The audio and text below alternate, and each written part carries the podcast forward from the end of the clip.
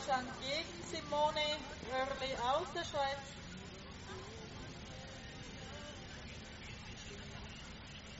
Kaya aus Norwegen gegen Arceline Permuté aus Frankreich. Und zum Ende Guru aus Norwegen gegen Jasmine Taylor aus Großbritannien. Anspannt hat drei Jahren und super gekramt, alles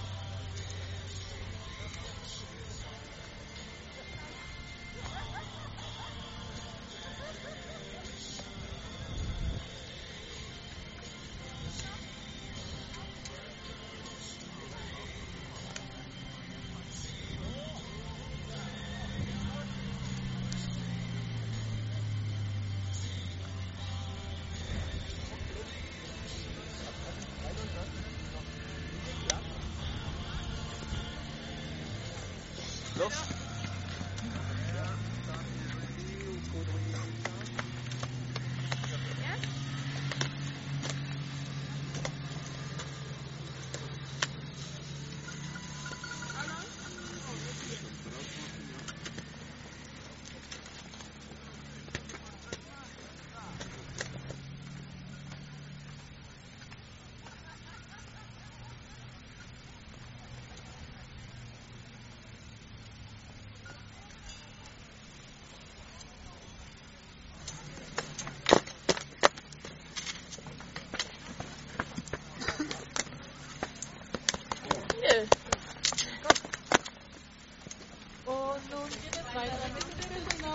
And here we are back with the ladies quarterfinals in your screen now in the red course.